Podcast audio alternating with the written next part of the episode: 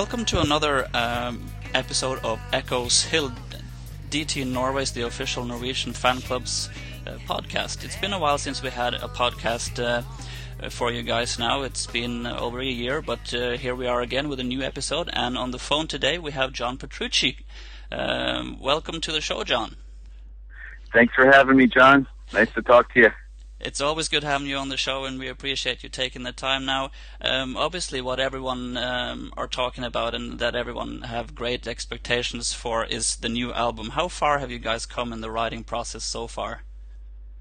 Well, actually, at this point, we're pretty far. We entered the studio in January of this year, and we've been working uh, really diligently and and uh, we've been very busy since then, and uh, basically at this point in the process, uh, being a few months in, we probably have about a month and a half left to complete. So we're we're pretty pretty far along. Um, you know, everything's written. Uh, we're getting to the point where most everything is is tracked, and uh, yeah, it's it's really shaping up. So we at this point we have a very very clear picture of the type of album it is, and and uh, we're just really really super excited about how it's coming out, and and uh, can't wait for everybody to hear it. Yeah, that sounds really cool, and it's interesting to hear that you know you have most of the you know writing done already. Are all the lyrics written as well at this point, or? Actually, it's funny that you uh, should say that because you, as you called, I was just writing a lyric, and uh, so no, the, the the answer to that is no. The the, the, way that that we generally write is is we construct the music first. So, um, you know that that's what we've been mostly mostly focusing on over the past few months. And uh, you know, during that time, there there are phrases and and hints and maybe subject matter and and things that kind of find their way and we take notes. But the actual sort of sitting down and, and, and really developing the uh, the lyrics is kind of later in the process. So that's exactly what's happening now. We're we're sort of in the process of finishing up instrumental tracking and uh, lyric writing, and um, and we haven't started vocals on the album yet. So that that'll be one of the next steps. Right. And has um, is James present in the studio during uh, this writing process as well, or will he be uh, more present when it comes to the actual recording of the of the vocals? Um, as far as the the writing of um, of the lyrics, you know, we we sort of uh, make a uh, a plan as to who is going to take which songs. You know, once the songs are are completed, and uh, we we sort of assign, you know, okay, J- James is going to take these, you know, I'm going to take these, etc. Yeah. And then at that point, we we kind of go off uh, on our own and um, and and work on the uh, the lyrics at that point. Melodically, we we do get together. In fact, um, it's something that we'll be doing uh, a little bit later this week. Is uh, we like to get to get together and kind of map out the songs because James has been present for um, part of the, the writing, um, but but as uh, you know, instrumentalists, we kind of really really know as we're mapping out the song which parts are vocal and which are not. But he might not really know that at this point, so we need to spend some time, you know, charting out the song, listening to it, making and taking notes as to you know, these are the verses, this is the chorus section, this is the bridge, whatever it may be. Right. Uh, you know, and oftentimes we get into conversations like, oh, there's not a vocal over that. that. I'm hearing a vocal over that. You know, we might change some things at that point. And then we also like to, uh, an important part of the, that process is to really, um, lock down the, the melodies because it's a very important step. You know, the way that, that James's voice interplays with the music the the range that things are written in, the rhythmic phrasing and everything. We kind of like to get a a guideline, um, and that really helps in the lyric writing process as well because you you do have a certain way that that the syllables will sort of bounce through the music, and that's very helpful because one of one of the worst things is to have like an awkward sounding lyric or an awkward sounding rhythm or, or you know right. emphasis on certain syllables. It just sounds kind of weird. So we try to do that beforehand. So there there definitely is a blueprint and a guideline, and then the rest of it, you know, comes from the heart and uh, the craft of of writing lyrics. Do you have any um, like numbers so far on how many songs you plan to put on the album? And uh, I I heard um, I saw John Myung saying there that there will be one instrumental on the record. Um, do you have Yeah, uh, do I you mean- have a, a, a like a, the total number of songs, or do you have always a few extra ones and then you decide afterwards which ones will actually make it to the album? Well, we, we pretty much have it down. I mean, at this point, you know, th- this interview that we're doing today is a little bit early in in the process of sort of making things, making that kind of information um, public because it, it's still things could still change. Right. So you know, things like the number of uh, songs and the length of songs and the title and all that. Unfortunately, I don't have to, that to give you today. I'm sure that would be welcomed information, but uh, you know, it's it's uh, it, you know, it's something that's it, even though we're very far along, it's too early to say, and we like to kind of have it all done and and have the the album complete and the song songs mixed and and then and delivered, and then say this is what's definitively on the album, and, and you, because you never know, you know, between now and then what may change and what we decide to take off or or add, or we might think, oh, you know, it's missing something or whatever. So Right. try to try to reserve that to when it's all finished. Now, compared to um, a dramatic turn of events, are there any uh, major differences to the writing process uh, that you went through back then uh, compared to now? Um, um, obviously, um, Mike Mangini would probably be involved a lot more than the previous time, or would I be right in saying that?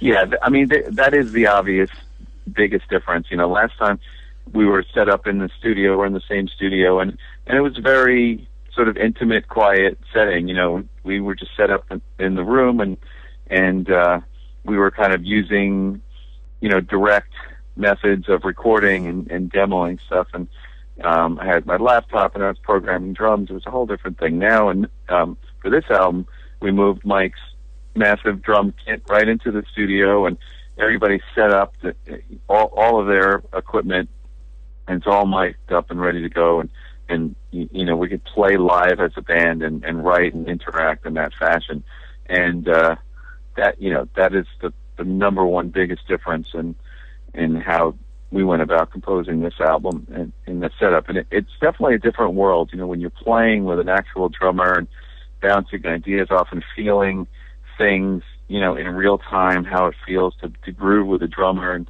um, get his input and stuff definitely changes your perspective and helps you, um, you know, get a clearer picture. And sometimes when you sort of demo stuff um, by yourself and maybe you have a beat or a drum machine or something, it's just it's different. It's not the same. So uh, this was really really cool to to get back to this method of of writing together. Right, because for for um, a dramatic turn of events, most of the drum tracks were written uh, uh, by you and uh, uh, the other guys for Mangini to uh, record them. And this time around, he'll be, he's a lot more free to uh, be creative, I suppose. Uh, and Absolutely, yeah. absolutely. Yeah, yeah. He totally, totally owns his his tracks and owns his performances and and his input. And you know, it, it's it's uh, it's great to hear because he he's such a phenomenal drummer and and a great creative mind and and he's so enthusiastic and passionate about this whole experience in this band. So uh, it's a real real welcome change and and you're 100% right. He totally totally owns and is committed to his his performance and his decisions and uh, uh you, you know as, as a drummer and as a creative person so it's great it's really really a lot of fun to do together do you think that'll be noticeable on the album compared to a dramatic term events? Do you think? Uh, Yeah. Yeah. yeah absolutely it's totally noticeable i you know it's kind of like uh I, I was reading something that I had said in a previous interview, but uh, I I kind of will reiterate it. It's like Mangini Unleashed. You know, it's like Yeah. he, you know, it's one thing. He's he's phenomenal. So the last album, you know, program stuff. He he learned it. He you know he made some changes to it, but he, he's new. He was new to the band. You know, we really didn't have any experience with him. He did a phenomenal job, and you know, from that time forward, we did a 15 month world tour together. We got to know each other. We played, you know, so many shows together. And, you know, by the time we got into the studio this time, we had more of a personal relationship, um, you know, a deeper chemistry creatively. So you, you totally hear that. You hear, you know, I think people are going to be blown away by the drumming and, and it's really, really super present, really creative, you know, technically brilliant and, and everything else. So there, there's a completely noticeable difference for sure. As far as the direction of the of the album itself, the new album, what can you say anything about what the fans can expect, or and um, is it comparable to any of your previous albums, or will this be something totally totally new as far as direction and sound? Well, again, I appreciate the question, and I know it's one of those number one questions that people ask, but you know, I, I find it important sort of not to give. An indication as to what it sounds like just just because I'm I'm a fan of you know people hearing our music for the first time without any preconceptions. So, you know, if I were to say it's it's similar to this album or that album, you know, sense that it could put a preconception in somebody's mind or it could alienate certain people or get certain people excited or whatever. I I, I like the idea that people will uh, listen for the first time kind of without any preconception and and uh, and see the way it hits them, you know, and, and use their their sort of experience to uh, to judge what they think of the music and how how uh, it affects them and whether they like it or not. So, cool. Um, as much as I appreciate that question, I don't really have an answer. well, to all the to all the podcast listener podcast uh, yeah. listeners, I I tried. I did. I made an attempt. Yeah, no problem. And and it, and I feel bad not being able to answer that, but that's, I, mean, I, I can answer it, but that was now, um, as far as release date, um, will it be sometime in the fall, or will it be closer to New Year's? Maybe go into next year, or um, do you have you know, any kind I, of idea yeah. around um, when you plan on releasing it? Yes, we we do. I mean, we we don't have a um, definite release date, but at this point, we're talking uh, uh, the end of the summer or or early fall, and uh, yeah, we're we're kind of on track for that. So hopefully, if things continue to go as, as planned, we'll be able to hit that. Um, as of now, there are no plans to to delay it or wait till a new year. Um, so you know, again, things could change, but that's what we've been talking about. That's what we've been told and have discussed with the label. So um, we're on track for that. Yeah. Cool. And of course, while we're waiting for the new album, you have a live DVD coming out soon. Um, which was shot in, in Luna Park in Buenos Aires. And um, any release date for that one, or are we looking at May, maybe June, possibly before um, we can see it hitting the shelves? Yeah, you know, I don't have a release date on that. I think one is going to be coming pretty soon. Um, I, it's uh, something that was a, a really, really big project um, for for many reasons. Uh, you know, it's the first uh, for us in in in its kind of its kind for us in that um, the the way that it's going to be released, the, the formats, Blu-ray, the 360, um, the the amount of music. Uh, you know, the show itself is, I think, two hours and 40 minutes, and then we have all the songs that we played on the uh, the second night. Was filmed over two nights. You know, so there's bonus stuff, there's documentary stuff.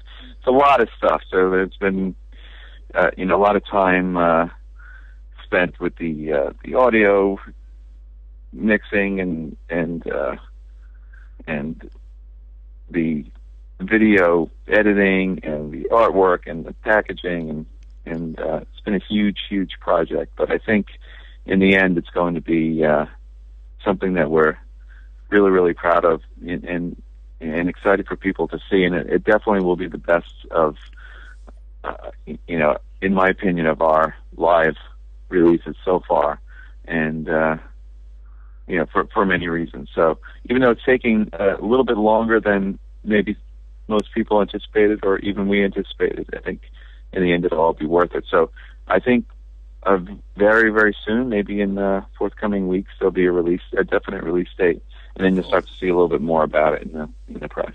Cool. We're all really excited to um, for the release, and uh, we can't wait to see it. And of course, the the upcoming album as well. Uh, do you guys have any plans for the summer, uh, summer tour, or will you take um, like vacation or holidays over the summer and then start fresh um, a new world tour next year, maybe? Yeah, exactly. We're, we're going to, uh, for the first time, we'll have a summer off, which is very unusual for us. Yeah. It's been, uh, we, I was just talking to John about that today. He's like, when's the last time we were not touring during the summer? I couldn't remember. um, yeah, so, uh, I might, might be able to, uh, use, you know, my, my new smoker to, uh, yeah. in, enjoy this, the summer months and cook some great barbecue and, and uh, enjoy time home with my my family and stuff like that. So so yeah, this summer we'll be off for Dream Theater, and uh, then we will we'll start up. At this point, it looks like next year is when we'll we'll really hit the touring uh, in full force. I'm not sure if there'll be anything um, before then, towards the end of the year. We're still talking about that, but uh, but that is the plan so far. So yeah, first summer off in a long time, and um, after spending what will be five months, maybe a little longer in the studio, it will be welcome. yeah. Well, we look forward to uh, to seeing you back in Norway uh, on your next world tour, and uh, uh we wish you and uh, the rest of the band um, the best of luck with finishing up the album. And uh, hope you have a great summer, and we can't wait to see and hear the finished result for your DVD and your new album. And thank you so much for your time, John, and we'll talk soon. Great, thank you, John, and and thanks for for talking to me and and again, we have amazing fans in Norway. We always have a really, really great show when we come there. We've been coming there for a long time now, so of course we can't wait to come back. And uh, and and when we do, we'll bring it uh, bigger and better than ever, and and uh, have a lot of fun. So nice talking to you, and uh, we'll speak soon.